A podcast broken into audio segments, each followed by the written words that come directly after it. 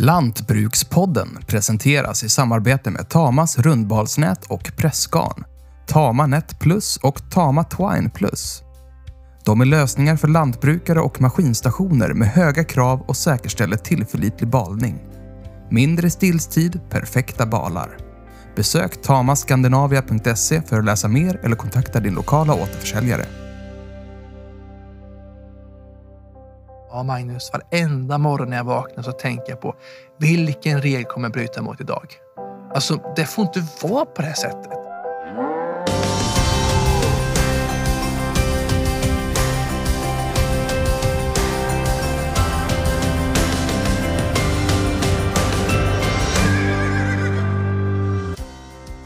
Regelförenklingar för lantbruket, ökad livsmedelsberedskap och en sänkt reduktionsplikt. Det är några av de frågor som Kristdemokraterna prioriterar inför höstens val. I Lantbrukspoddens valspecial möter du fram till valet riksdagspartiernas landsbygdspolitiska talespersoner. I detta avsnitt är det Kristdemokraternas riksdagsledamot Magnus Oskarsson som Land Lantbruks reporter Louise Carlsson Örning träffar i riksdagen.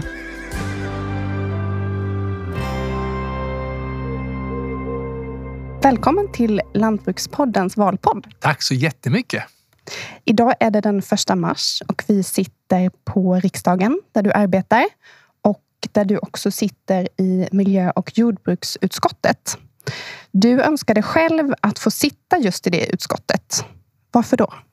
Ja, det är av en enkla anledning att jag själv har ju en eh, erfarenhet av att, att jag har bor på en gård och eh, min pappa var mjölkbonde och jag själv då har bedrivit jordbruk i, i 15 år med ungefär, med, ungefär 15 år med, med köttproduktion. Och sen så eh, nu då så har jag den gården utarrenderad. Så jag har jättemycket djur på sommaren, eh, och, och, men, men annars har jag bara två katter nu.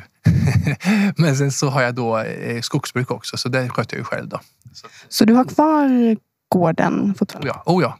den är kvar och den, den är ju, jag är ju femte generation så det känns ju väldigt viktigt tycker jag just det här kulturarvet att man får förvalta någon, faktiskt någonting som några andra har, har, har eh, varit med och, och drivit upp hemma på gården. Så att det känns jätteviktigt. Jag är väldigt tacksam för att jag får leva och bo och verka. Dessutom så tycker jag också att, att man när man bor så, då har man också i alla fall min känsla av att man har fötterna. Jag vill ha fötterna i, i marken så att säga. Det ska vara i myllan. Så att jag kan liksom ändå försöka också lyssna på ja, dels med omgivning. Eh, vad är det som händer nu? Vad är, vad är viktigt? Vad är, vad är, vad är bra? Vad är, vad är mindre bra? Och, och sådär. Så att det, det, tycker jag är jätte, jätteskönt. Du är inne lite på det här nu, men vad tar du med dig från din erfarenhet in i din roll som riksdagspolitiker? Ja, det kan man väl säga. Det, det är ju alltså eh, byråkratin. Och då snackar vi ändå, jag slutade 2012, eh, hade varit då ungefär 15 år. Eh, alltså, det kan man inte jämföra med hur, hur, hur, tufft det är idag med, med just med, med byråkratin framåt. Alltså, den är ju bara ökat och ökar. Vi brukar prata om att vi under alliansregeringen då så pratar mycket om att ta bort regel och, och vi kanske tog bort en regel, men så kom det två nya istället. Eh, så att den delen tar jag med mig. Och sen så, det är klart att, att eh, det också tar jag med mig att, att som jordbrukare är man ju så, alltså, man är ju är så tacksam, tänker jag själv när jag jobbade där. Jag jobbar ju bredvid med andra jobb kan jag säga, så jordbruket var ju bara en del. Jag var ju slöjdlärare och, och jobbade på ja, innan dess så var jag på, jag, ja, jag jobbade också som ordförande i kommunstyrelsen i Ödeshög i åtta år. Så, att, eh, så att det var ju med bredvid med andra jobb. Men likväl just att, att det här stoltheten och tack, alltså på något sätt att få jobba med det här. Det, det, det är också någonting jag tar med mig. Också, att, att, det, det är, att det kanske inte är framförallt bidrag man vill ha, utan man vill ha betalt för sina varor. Betalt för det man, man producerar. Och för det vet jag själv att ja, det vart ju mer och mer att man skulle tänka på bidrag och ersättningen eller, som man då ska söka alltihop. Som är nu också väldigt viktigt. Det är inte tu tal. Men grunden är ju ändå, tänker jag, eh, att just att man, vill producera till någonting där man är stolt över. Du är också eh, Kristdemokraternas eh, landsbygdspolitiska talesperson. Varför har du fått det uppdraget? Ja, det är ju för just att, att eh, Eh, Eh, jag fick ju fråga, eller jag fick ju frågan vad vill, vilket utskott vill jobba med. Då, då ställde jag att jag vill gärna jobba med miljö och jordbruksutskottet. Då. Och sen vart det naturligt då att det följde att, att man, man, eh, i och med att man är ute och diskuterar och talar mycket om det här. Det, det har ju varit en, en, eh, en jättekul resa för mig personligen att, att få, faktiskt få, få ta de här frågorna som jag menar på är absolut en av de viktigaste frågorna vi har i Sverige absolut en av de viktigaste. Vi kan prata mycket om att vi ska ha grön stål och vi ska ha allt möjligt. Men utan att vi har mat på bordet för de som så arbetar så går det inte. Ta fram det här. Oavsett om vi pratar om nu då med, med mycket om miljön. Men eh, jag tänker också, vi, vi är ju som du sa, första mars idag, där vi, vi är mitt pågående ett, ett, en, en förfärlig kris och, och krig i Ukraina som också drabbar oss. Jag ska säga det att när vi träffas idag så är det som sagt den första mars och det är eh, bara inte ens en vecka sedan som Ryssland invaderade Ukraina. Och vi vet inte riktigt vad som kommer hända liksom senare idag och absolut inte om någon vecka. Så det kan hinna hända en hel del innan eh, den här podden släpps. Bara så att eh, få det sagt. Bra, nej men det är riktigt. Men just det vi lever just nu. Och, och okej, okay. det, har väl, det har väl också märkts om man säger just att, att när jag började i riksdagen 2014, då hade jag en debatt i kammaren och då nämnde jag just det här med att, att vi måste vara mer rustade. Vi måste vara, ha mer, mer tankar på att, att jobba för vår, vår eh, alltså beredskap för, för livsmedel. Och då kom det fram en, en person till mig efteråt och sa Magnus, sluta prata om det. Vi har ju EU. Det är passé. Och då tänkte jag på nu, för jag tog upp samma sak bara för några par veckor sedan och då, då så, så nämnde jag det här och då var det ingen efteråt som kom fram till mig utan nu är det en fråga för oss. Vi har ett jätteproblem att, att vi har så dålig, med, med dålig beredskap eh, och att jag tror att, att svenska folket, jag tror de kräver av oss att ha en tanke på det här och inte bara en tanke, också en handlingsplan. Så vi faktiskt kan, lik Finland, de klarar ju faktiskt sex månader utan att ta in ett, ett, ett enda riskorn. Och det måste vi också, Sverige, alltså ha den, en sån fungerande organisation. Har din syn på det här förändrats den senaste veckan efter det som har hänt, skulle du säga? Nej, det har det inte gjort. Men däremot har den mera blivit mera tydlig om hur, hur faktiskt hur illa det är i vårt land. Vi hade en beredskapsövning i riksdagen 2020. Eh, det var första gången någonsin som vi hade en övning i riksdagen. Om det skulle kunna bli någon, någon om det ja, kris eller krigssituation eh, som, vi, som vi kallar det då. Eh, och det, det visade ju sig när det kom till kritan. Vi hade ett scenario då uppmålat för oss hur det kunde se ut. Och, och då fick den här, den här försvarsministern då som okej, okay, han var för detta så han var inte nuvarande regering, men ändå, han, Björn von Sydow fick ju frågan vad händer nu när, när det ser ut som det gör. Vi har ingen elförsörjning så det räcker och, och hamnen i Göteborg är förstörd. Och då säger han ju, Ja, sa han. Nu kan vi inte mer göra någonting. Nu får var och en försöka klara sig själv. Och det gick en susning och då kände jag, oj, så här är det ju faktiskt. Vi har inte det här alls på tapeten i så många, många år. Utan med jordbruk har till och med sagt så någon statsminister att det var ett särintresse. Tack och lov har vi börjat, har liksom det börjat försvinna, det tankesättet. Eh, vi måste ha en, ett jordbruk som är värt namnet. Vi måste ha ett, ett jordbruk som så att säga, jordbrukare som känner att de är så värdefulla. Eh, och, och det tror jag, den delen har, har, har, tycker jag ändå har eh, förändrat sig under de här, under de här åren. Nu ska vi inte liksom ta ut någon kris i förskott här, men nu är vi ju i ett helt annat läge. Så vad ska vi göra nu? Det, det är en jättebra fråga därför att eh, vi har haft så att säga seminarium jag haft tillsammans med LRF om, eh, om att, att hur, hur, alltså de har ju planer. De har ju ändå tänkt till eh, och jag vet att staten nu, vi hade ett minister här för, i, i utskottet för någon par veckor sedan och eh, då, har, då, då nämner hon ju då att, att nu har man ju då börjat ta tag i frågan eh, riktigt ordentligt. Då. Eh, och, och det är bra. För att det här är ju helt avgörande att vi tänker till. Vi fick ju en orange bok allihopa av oss ifall kris eller kriget kommer. Eh, och nu hörde jag att den, den har beställts väldigt många nu. Eh, som du säger, vi får ju... Det är ju inte kris i vårt land på det sättet, så man ska inte eh, på det sättet måla ut bilder. Men vi måste ändå se hur, hur illa och, och, dålig vår beredskap är. Och då menar jag på att, att, eh, att det här måste vi ju det grunden är naturligtvis att vi måste jobba med att vi har jordbrukare. Eh, att de känner att de är, alltså, att de känner att det är viktigt det de gör. Att det är framförallt lönsamt. Eh, det är ju tror jag, grunden för, för bra mycket vi pratar om. Det är ändå att, att man ska känna att man, det man, arbetet man lägger ner, ja, man får också betalt för det. det Och hur gör man det? Eh, det finns ju saker vi kan göra politiskt. Nu är vi in lite mer på vad vi kan göra ytterst. Och jag menar exempelvis att få mer lönsamhet. Nu har vi ju då en, en eh, tillsatt då att vi, man har reduktionsplikt med i dieseln. Eh, och det innebär att man då, vi, har höjt, vi har höjt priset rejält. Det är ju, och, och, och, vi har ju ett förslag från Kristdemokraternas sida att vi vill ju sänka den här reaktionsplikten ifrån dagens 30,5 ner till 14. Eh, för, för, faktum är att planen är ju faktiskt i Sverige, från svensk sida att vi ska upp till hela 66 procent. Och det gör ju väldigt mycket i hur mycket dieseln kostar. Eh, och då menar vi på att, att just vårt förslag det skulle innebära tre kronor mindre Eh, per liter. Eh, och, och då vi ändå så att säga, vi har högsta reduktionsplikten i hela EU när vi, när vi är i fjort, på 14 procent. För nämligen idag har de ju 6 procent i Europa och de har ju som ett mål att komma till 14, det vi redan har nu. Då. Eh, och jag tror att det är en sak som vi, som vi skulle kunna göra. Med det sagt, vi, också så här, vi är ju inte emot att man vill göra, så här, vi vill ha mer inhemsk produktion av fossilfri bränsle.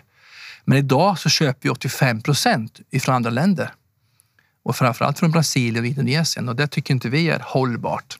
Utan vi menar på att, att det här måste vi göra nu. Det, det är ju en, en, sak som vi, vi absolut... Vi hade ju uppe förslag i, i riksdagen men tyvärr fick vi inte majoritet för det utan det föll. Men vi kommer kämpa för det här för här tycker vi, vi, vi, vi var ju med på beslutet, absolut. Men jag kan säga så här. Nej, det vart inte bra. Och då säger vi, vi är inte så att vi sa prestige i det, utan säger vi, det har varit fel. Vi hade inte de, det underlaget. Vi, svaret blev att det var mycket dyrare än vi hade, vi hade tänkt och trott. Och då säger vi, går vi tillbaka. Vi, vi, vi tycker att det, man måste ändå vara så ärlig mot oss, också, mot oss och också mot våra väljare. Säga att vi hade fel och vi vill göra om och göra rätt. Och när du nämner andra alternativ här, kan du berätta mer hur de ska se ut och vad det ska vara? Du menar på bränsle? Ja, det är ju framförallt det vi själva kan göra. Det är ju mycket vi kan göra inom alltså, eh, biodrivmedel med, från skogen, ifrån alltså, åkermark. Vi, kan använda, vi, vi har idag 500 000 hektar åkermark som står på fäfot. Tänk om vi skulle kunna börja odla upp det här och, och verkligen göra drivmedel. Det är ju fantastiskt spännande. Eh, så att, och vi, mycket andra vi kan göra. Men, men just det här är någonting vi kan göra och, och, och verkligen bli, stå i bräschen för. Men idag gör vi ju inte det. Utan, utan vi, bara 15 procent av allt är ju från Sverige. Och det, det här tror jag vi måste prata mer om. Och, och vad det innebär. För det är klart att jag, jag, jag måste ändå säga det. När vi pratar mycket om det här med att, att eh, vad ska vi göra för någonting? Ja, det här kan vi göra. Vi, vi behöver inte... För att vi pratar mycket nu, det är ju på gång då att vi ska ha den här nödmiljarden. Och nödmiljarden, absolut. Men det var en bonde som sa till mig så här, Magnusson, ni kommer med nödmiljard när ni själva har åstadkommit nöden för mig genom att ha så hög eh, alltså, eh, eh, eller plikten för alltså, reduktionsplikten då. Eh, så att, och, och det, det, säger en hel del, tänker jag, att eh, vi får nog se till nu att vi, vi att vi ändå är kloka i, våra, i vårt eh, våra beslut och, och gör på annat sätt. Om man ser då på liksom omställningen till ett mer liksom klimatneutralt eh, lantbruk. Hur ska man få till det då? Ja, det är ju jag säger då, som vi kan använda mera ifrån vårt eget. Eh, absolut så. Eh, sen är det ju, eh, vi, vi, alltså, Sveriges jordbrukare är ju fantastiska på att, att verkligen, eh, alltså, duktiga och är, är, är så både klimatsmarta och, och, och, eh, det är ingen människa, ingen bonde som känner du tar en extra sväng med min traktor för det, alltså, nu är man ju, det är så dyrt. Eh, ingen som sprider ut mycket konstgödsel bara för att det är för att, för att, utan nu har man ju väldigt sparsamt på detta också. Eh, så jag tror att, att eh, alltså våra bönder är otroligt duktiga och jag, jag vill ändå, jag menar på att de är miljöhjältar. Eh, och framförallt är de, är de hjältar överhuvudtaget för att de producerar det som är så avgörande för oss. Det är maten vi pratar om. Och återigen, vi kan prata mycket om, om att vi ska göra, så att säga, grön stål och vi ska göra det efter det andra. Och det är jätteviktigt, jag säger inte det. Men har vi inte med oss jordbruket, att de är med och producerar maten, ja då, då står vi där. Eh, förra året så presenterade Helena Jonsson ett förslag om hur det svenska jordbruket ska kunna öka sitt fossiloberoende.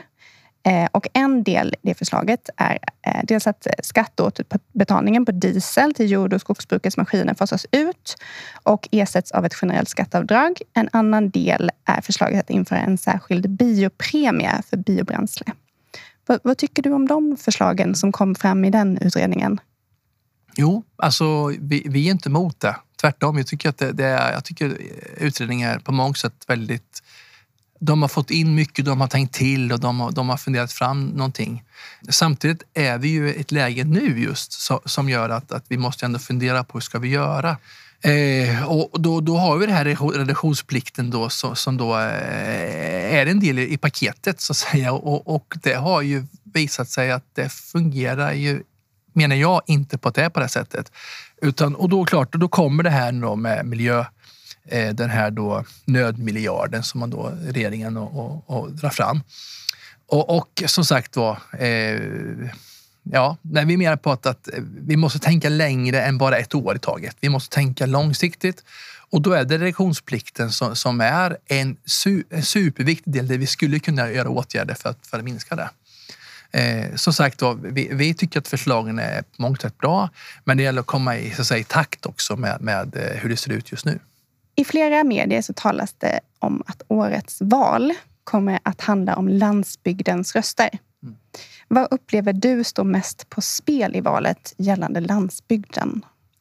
I grunden, för jag håller med om, jag tror att det kommer bli ett, ett, ett, ett, ett val där, där eh, landsbygdens röster kommer, tror jag kommer, kommer att avgöra faktiskt eh, hur, hur det kommer bli i valet och, och eh, vilken regering vi får. Och det som kommer att stå på spel tror jag framåt här eh, och det är jag övertygad om för jag har mött, jag har mött så mycket. Redan senast när jag åkte upp till, från, från Ödeshög i, på förmiddagen här idag så ringer bönder och är förtvivlade över att det är Alltså man, man vet inte riktigt, ska jag våga, eh, har jag handelsgödsel så det räcker? Finns det överhuvudtaget handelsgödsel att tillgå? Kommer jag, alltså foderpriser har stuckit upp så mycket. Så allt har ju stigit och det, det är på något sätt här kokar ändå ner det. vänta nu, ska vi ha ett jordbruk? Men, men också det här som jag känner också. Jag har en familj, jag behöver skjutsa till, till skolan, jag behöver skjutsa till, till på olika delar och jag kanske till och med behöver två bilar. Men hur ska jag klara det här? Med tanke på det här, det här höga drivmedel som, som är nu. Och jag tror att det någonstans, det har du ändå huvudfrågan. Eh, nu bor jag i Ödeshög. Det är ju ändå, eh, tycker jag själv, en är så framsidan på, i Sverige. jag får säga. Men, men, men, alltså, jag har motorvägen och, och den, så jag kan ju ändå förflytta mig ganska fort. Men jag behöver bilen. Men då tänker jag på vännerna som jag träffar när jag besöker eh, inlandet exempelvis. Som också är fantastiska platser att leva och bo på. Men hur kan någon säga hur man ska kunna överleva och bo, kunna bo där uppe med, med sådana här priser som är nu i, i tanken? Ja, då säger man vänner ja men vi ska ha eh, batteri Elbilar ska vi ha, absolut. Och, och det, det, eh, jag hoppas att det blir mycket mer elbilar. Men, men för det första är det väldigt dyra att köpa in, inköp. Och för det andra så måste vi också ha utarbetat så vi har el att tillgå. Med så höga el, elpriset dessutom nu så, så, så jag menar, det är inget enkelt. Så någonstans menar jag på, vi i politiken måste kunna svara enkelt på hur man ska kunna klara det här framåt. Eh, och då tycker jag, då måste man sätta eh, fingret på de här ömma punkterna som exempelvis eh, reduktionsplikten eh, som är en del i att, att vi har så höga drivmedelskostnader just nu. Jag träffar Magnus Oskarsson, landsbygdspolitisk talesperson för Kristdemokraterna. Nu tänkte jag att vi skulle tala om viltfrågan. Mm. Rovdjuren och därmed eh, rovdjursfrågan har flyttat söderut. Det finns bland annat ett nytt vargrevir i Jönköpings län, inte jättelångt från din gård om jag förstått rätt. Det stämmer gott det. Hur stor vargstam ska vi ha i Sverige? Mycket mindre än idag. Eh, precis, du är inne på Jönköping eh, och, och, och, den, nu får man åka runt Vättern då för att komma dit. Men, men eh, vi har ju också det i, i, utanför norr om Motala, eh, norr om Linköping, Finspångstrakten finns ett revir där. Vi vet ju att det, det, det, det kommer bara öka det här.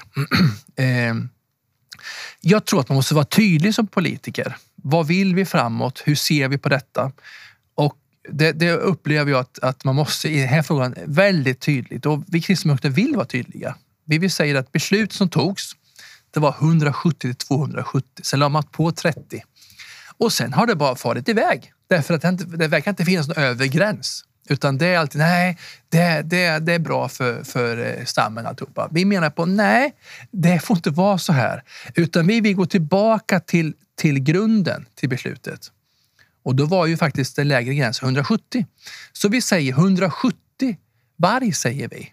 Och då ser vi också att vi, vi inser också att, att, att vi måste ta in, inkludera, inkludera också norska vargen i detta. För norr, en norsk varg tänker inte jag, nu är jag Sverige, nu är jag Norge. Det är, in, det är alltså den delen vi tänker på. Och då kommer... Är det 170 vargar för både Sverige och Norge alltså? Ja, det stämmer. Vargen väcker ju mycket känslor och drabbar enskilda djurägare väldigt hårt. Mm. Men om man ser liksom till hela lantbruket och också till skogsbruket så är det ju klövvilt som orsakar eh, ännu mer skador. Eh, skadorna från klövvilt och vildsvin kostar 18 miljarder kronor per år om man då räknar in trafikskadorna. Hur vill du hantera den typen av eh, skador och den växande viltstammen? Ja, men det är ju helt som du säger tydligt att vi har en otroligt stor vildstam. Eh, eller klöv, eh, klövvilt. Och det är klart att, att vi, vi, har haft vi har ett seminarium och drivit på med vildsvinsfrågan. Den måste ju minska. Eh, den är ju alldeles, alltså stammen är alldeles för stor fortsatt. Även fast det är vissa, eh, vissa län kanske nu som har, det har minskat lite, men det är fortsatt för hög. Eh, vi har dovhjort. Jag har besökt eh, i Nyköpingstrakten. Helt, jag, måste säga, jag, jag är förskrämd över hur det ser ut. Alltså stepplandskap på, på åkermark. Det skulle liksom produceras livsmedel. Det är bara som steppar. Eh, kilometer efter kilometer. Det här duger inte. Vi måste komma åt det här på, på alltså, som jag, jag menar problemet på ett sätt som gör att, ändå att vi har en livsmedelsproduktion. Tillbaka till, till, till, till din och jag sa förut, det, ändå är, det är ju ändå att vi, vi måste inse att det är livsmedelsproduktionen som är så viktigt för vårt land. Att vi har mat att ställa upp på bordet.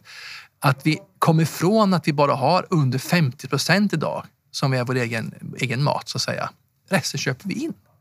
Eh, och då måste vi naturligtvis på alla delar på, på hur vi ser på, på, på det, våra resurser med åkermark, med, med att kunna ha mera betande djur, mer produktion. Alltså, då måste det, det, det, gå i första rum och det är inkluderat då när man ser på, på viltet.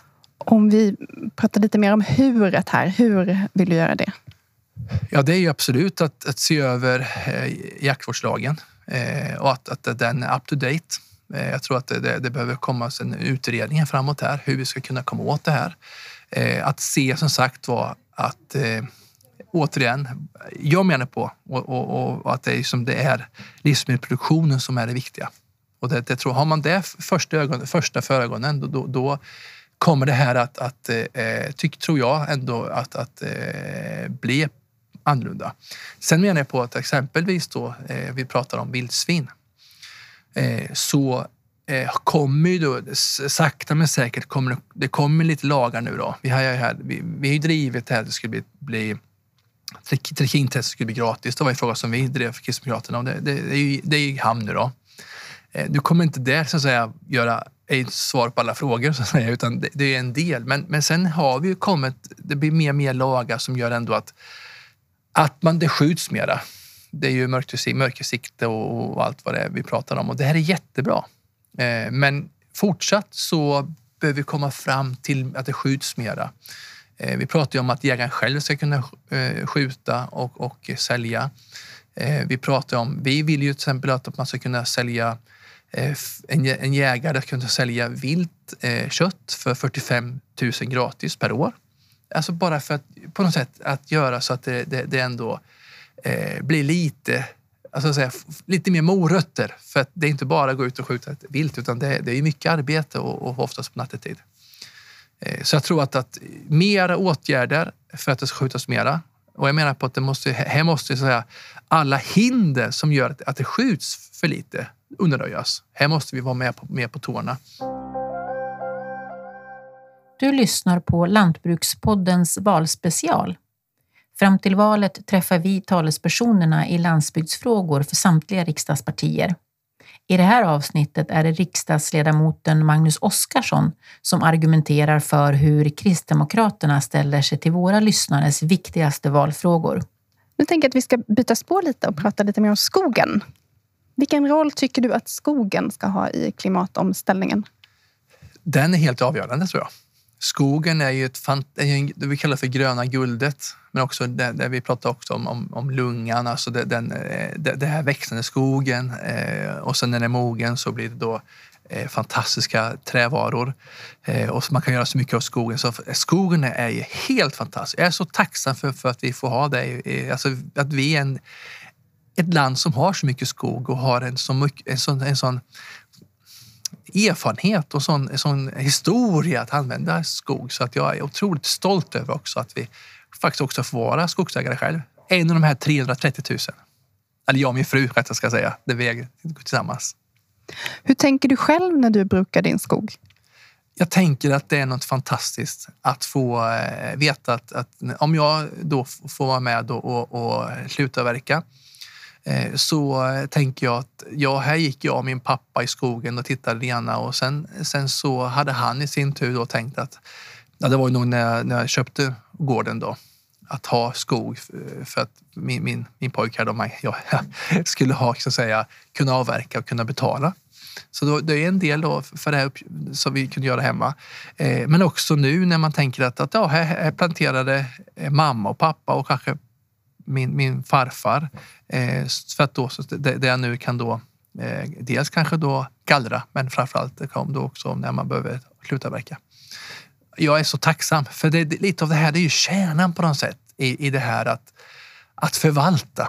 Det, det är ju det är som att kunna förvalta det någon annan har faktiskt eh, gjort. Och så tänker jag, hur ska jag då göra? För jag har ju fyra barn själv och någon av dem kanske vill ta över gården förvalta så att jag planterar och röjer och, och, och gallrar och sen så kanske det är dags för dem att ta över sen här och, och då tänker på samma sätt. Så det, det, det är det här, och, och, alltså, ja, jag blir lite lyrisk. Men hur tänker du när det gäller eh, som biologisk mångfald och sättet att bruka och, och de sakerna som är väldigt liksom, diskuterade nu? Väldigt diskuterade. Jag, jag, kan säga att jag är ju otroligt... Som det, det här just, som jag tar upp det här med, med förvalta. För det handlar inte bara också om att avverka, det handlar också om att förvalta det, det, det som finns. Jag menar, det är floran. Jag, menar, jag, jag har ju eh, skogsinspektörer som kommer och så pratar vi, tittar, vi går runt skogen och så säger det ska vi spara. Och jag har ju själv naturligtvis då avsatt en del av, av skogsbeståndet till, till naturvård. Eh, och det vet jag det att, att ja, här kommer det vara mycket som händer. Och, alltså, det, det, är ju lite av det, det, är det här som ändå är, är, i alla fall när man pratar med skogsägare. De allra flesta tänker ju så, att kunna så att säga, förvalta och bruka på ett sätt. Men vet också att skulle jag inte göra det, utan låta det bara stå för, på fäfot, då skulle det inte se ut som det gör. Eh, och det tycker jag det är viktigt att komma ihåg. Du var inne på det. Det, det, det är lite ifrågasatt nu. Och jag håller med dig om det. Det är ifrågasatt. Det är väldigt ifrågasatt eh, och skogs, svensk skogspolitik från olika håll. Jag kan säga att den stora striden är här. Och det, det, har jag faktiskt sagt sedan jag kom in i riksdagen för jag upplevde ändå att mer och mer så att säga, tuffade till sig eh, från, från eh, EUs sida.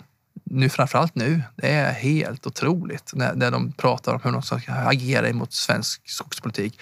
Men även vi, vi själva har ju då så att säga varit drivande. In, ja, om man säger regeringen och, och, och, och regerings, vissa regeringspartier, om man säger så, så har ju drivit en politik som är väldigt eh, an, an, hårt ansätter ju så att säga eh, skogsägarna med äganderätten och, och allt det ena med det andra. Du var inne på det här att du är en av de enskilda skogsägare som, som äger svensk skog eh, och också att eh, EU eh, eh, ifrågasätter eh, en hel del saker. Vem ska bestämma över hur skogen används? Det ska absolut inte EU göra. jag börjar där. Och jag menar på att, att regeringen ska ha en skogspolitik där vi fortsatt arbetar med att ha den här visen frihet under ansvar. Den har fungerat så bra under flera år och den kommer fortsatt vara väldigt, väldigt betydelsefull. Därför du har ju, får ju så att säga driva jordbruket. Du har ett ansvar och du får frihet. Och det menar jag på att, att eh, det är så vi ska vara. Så att svensk skogspolitik ska utan tvekan beslut, alltså beslutas ifrån, ifrån svensk horisont och svensk, eh, svenska riksdagen. Får jag fråga hur mycket skog du har? Hela gården är ungefär 70 hektar. En annan fråga som du också var inne på lite i början här, det var eh, frågan om regelkrångel. Eh, innan jul här så lät vi på Land Lantbruk göra en väljarundersökning och då visade det sig att den viktigaste frågan för lantbruksföretagare var nu inför valet var just det här med att minska regelkrånglet. Och I Kristdemokraterna så har ni sagt att ni vill jobba med just det för att underlätta för företag. Men vilka konkreta förslag har du för att, att det ska bli så för lantbruksföretagen? Det du säger är ju helt... Det, är precis så som det är. Jag, jag, har varit ute väldigt mycket och är ute mycket nu efter corona också. Eh, träffar mycket jordbrukare och, och det jag får alltid till mig till, del, till livs, det är två saker.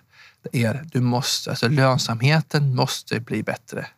Och, säger, och så, och så säger de också, det är alltså byråkratin, alltså det här med regeltvång, regelkrånglet måste, måste förbättras. Och det är det här som vi kokar ner till.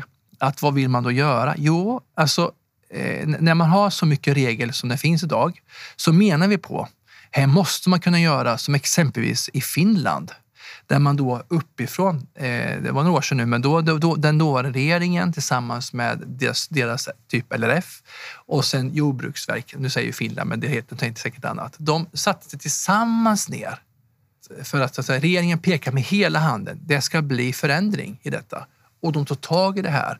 Och sånt direktiv menar måste också från, komma ifrån regeringssidan. Att vi måste va, göra, eh, titta på eh, vilka regler kan vi ta bort? Vilka är inaktuella? Vilka kan vi förändra?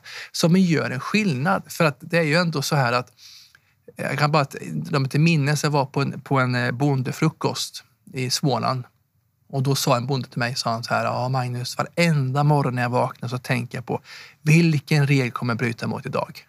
Alltså, det får inte vara på det här sättet. Att man känner att det är, man gör minsta misstag så, så, så bryter man någonting som kan få stora, djup, alltså stora så att säga, konsekvenser ekonomiska. Eh, så att jag menar på att det är en sak. Eh, vi har till och med sagt att vi vill ha någon kommission, någon, någon regelförenklad kommission eh, där man verkligen sätter sig ner och som sagt, som liknande Finland och går ner i detaljer. Och det menar jag på, det är bråttom. Det här måste göras på snabba, snabba sätt. Sen har vi en sak som är väldigt, väldigt betydelsefull. Och det menar jag på att, att, att vi måste se över den här miljöbalken den kom ju till, eh, jag tror det var 98 den eh, drog igång. Och här menar jag på att, att den måste ses över. Vi måste analysera, och, alltså, exempelvis, det stod i miljö, miljöbalken att, att, att, att producera livsmedel är miljöfarlig verksamhet. Jag menar det duger inte att man ska ha en sån eh, så att säga, skrivning om att producera mat. Det kanske gick då på, när de gjorde det här. För då, då tänkte man så. De har till och med pratat om att det var så att säga, någon form av... Ja, det, det, jag tror att det var kanske en annan syn på jordbruk på den tiden. Eh, men, men, nu duger det inte. Här måste vi eh, förändra den miljöbalken. Eh, förändra den. Och, och, vi vill också direkt också, som sagt, se över den och, och, och eh, göra en, någon form av snabbutredning med denna. Regeringen har ju eh, gett en hel del olika uppdrag angående detta till olika myndigheter. Vad eh, vill ni göra som de inte redan har satt igång? Mm. Ja, men jag håller med. Det, det görs en del. Absolut, jag kan skriva under det. Men, men det görs så saktfärdigt. Och sen är det en sak till. Det måste genomsyra hela, eh, alla, alla myndigheter. Ja, det är det någon där, någon där som tittar på det. Ja, men sen då? Får alla till dels detta? Jag var bara ett typexempel där. Hur ser Trafikverket på det här med att, att åkermarken är viktig? Vi säger ju i vår livsmedelsstrategi att vi måste ska producera mer mat Okej, okay, då innebär det att vi måste då kanske då, då kan vi inte Trafikverket då, om de har alternativ att bygga en väg, ja då ska man inte gå över den bästa åkermarken som görs på vissa håll, till exempel Blekinge. Utan då kan man ju ta, ta skogsmark, då, så, den delen då, eller en impediment, men inte använd åkermark. Det är väl typexempel på att Trafikverket tror jag inte lever under att, att de ska jobba med, med regelverket eller med, med livsmedelsstrategin. Och här menar här måste ju regeringen eh, om tar man en sak, nu pratar jag lite om, om, pratar också om livsmedelsstrategin, men likväl, tar man en sån strategi, då ska det ju gälla då ska det ju vara någonting som faktiskt också genomsyrar hela så att säga, myndighetssverige, inte bara några få. För då kommer det bara bli en, ett papper och sen, jaha, det var pappret där. Men det måste ju genomsyra mera saker så att jordbrukarna känner att det här menar vi allvar på. Jag träffar Magnus Oskarsson, landsbygdspolitisk talesperson för Kristdemokraterna. Idag när vi träffas så är det i början av mars och det är lite drygt sex månader kvar till valet. Vad ser du fram emot i valrörelsen? Jag ser fram emot att träffa väldigt mycket människor. Eh, för, för ofta så när man kommer ut så här så, så ska, så ska man eh, prata, men jag tycker bäst om att få lyssna. Få lyssna in det här. Vad är viktigt för människor? Och därför också hade jag börjat Mjölkens dag i riksdagen. Det var just därför att eh, folk, bönder ringde och sa Magnus, det är kris i mjölkproduktionen. Och då kom det så ungefär hundra mjölkbönder till riksdagen. Eh, och vi har fortsatt ha det här Mjölkens dag sedan dess. Det var du som initierade den ja, det, dagen? Ja, det, det, stämmer. Det var jag. Och, och, och, och, det har varit fantastiskt viktigt. Jag känner de här, att, de här sakerna som gör ändå att man... Någon sa till mig så här, ja men det är riksdagen, du, du sitter väl bara och trycker på en knapp? Ja, man trycker på en knapp då och då. Eh, typ eh, två, två gånger i, i veckan. men resten är man ju faktiskt, eh, så att säga, kan man göra mycket mera. Man kan få ta del av historia och göra skillnad. Och det är väl det jag ser fram emot här nu när vi ser framåt mot, mot valet. Att det är, det, är bara, det är bara ett halvår kvar. Och, och eh, vi får ju se. Mycket kommer tror jag påverka också hur det, hur det blir med den här krisen då i Ukraina och Ryssland, det här kriget som pågår där. Kommer det fortsätta? Eh, men jag tror en, en viktig fråga, vi, pratade, vi sa förut om landsbygden. Eh, jag tror att, att det, det viktig fråga kommer också vara matproduktionen. Har vi, har vi beredskap? Eh, min fru börjar prata hemma nu. Magnus, har vi, eh, hur, kan vi elda i skorstenarna? Kan vi, alltså, så att, eh, man börjar fundera mycket mer på det här nu, tror jag, var och en här. Att, att eh, nu är det på allvar på något sätt ändå att vi, vi tänker till. Eh, så jag tror att, att eh, det kommer också vara en väldigt viktig fråga. Eh, men som sagt, eh, jag, kommer, jag ser fram emot att, att vara ute, träffa människor och sen hoppas jag att, eh, att vi får en ny regering eh, och att vi på det sättet också kan göra skillnad. För att det är en sak att lova en massa saker. Men sen kommer vi till så att säga då att när vi faktiskt får vi förtroendet att få bilda regering och, och, och komma regeringsmakten. Då ska vi också visa på att vi, vi har hört och vi gör vad vi har sagt. Om det blir en ny regering efter valet, kan du tänka dig att bli landsbygdsminister? Absolut, om man får det förtroendet. Då tackar jag så mycket Magnus Oskarsson, Kristdemokraternas landsbygdspolitiska talesperson för att du ville vara med i Lantbrukspodden. Tack så mycket. Du har hört Land lantbruksreporter Louise Karlsson Örning intervjua Magnus Oskarsson, Kristdemokraternas landsbygdspolitiska talesperson, om vilka frågor han ser som viktigast inför valet. Avsnittet spelades in i början på mars. Sam Segerblom har klippt avsnittet och jag som har producerat heter Maria Gramer. Har du synpunkter eller förslag på ämnen och gäster till podden? Mejla oss på lantbrukspodden landlantbruk.se. Lantbrukspodden görs av Land Lantbruks redaktion som är en del av LRF Media. Lantbrukspodden presenteras i samarbete med Tamas rundbalsnät och Pressgarn Tama Net Plus och Tama Twine Plus. De är lösningar för lantbrukare och maskinstationer med höga krav och säkerställer tillförlitlig balning. Mindre stillstid, perfekta balar. Besök tamaskandinavia.se för att läsa mer eller kontakta din lokala återförsäljare.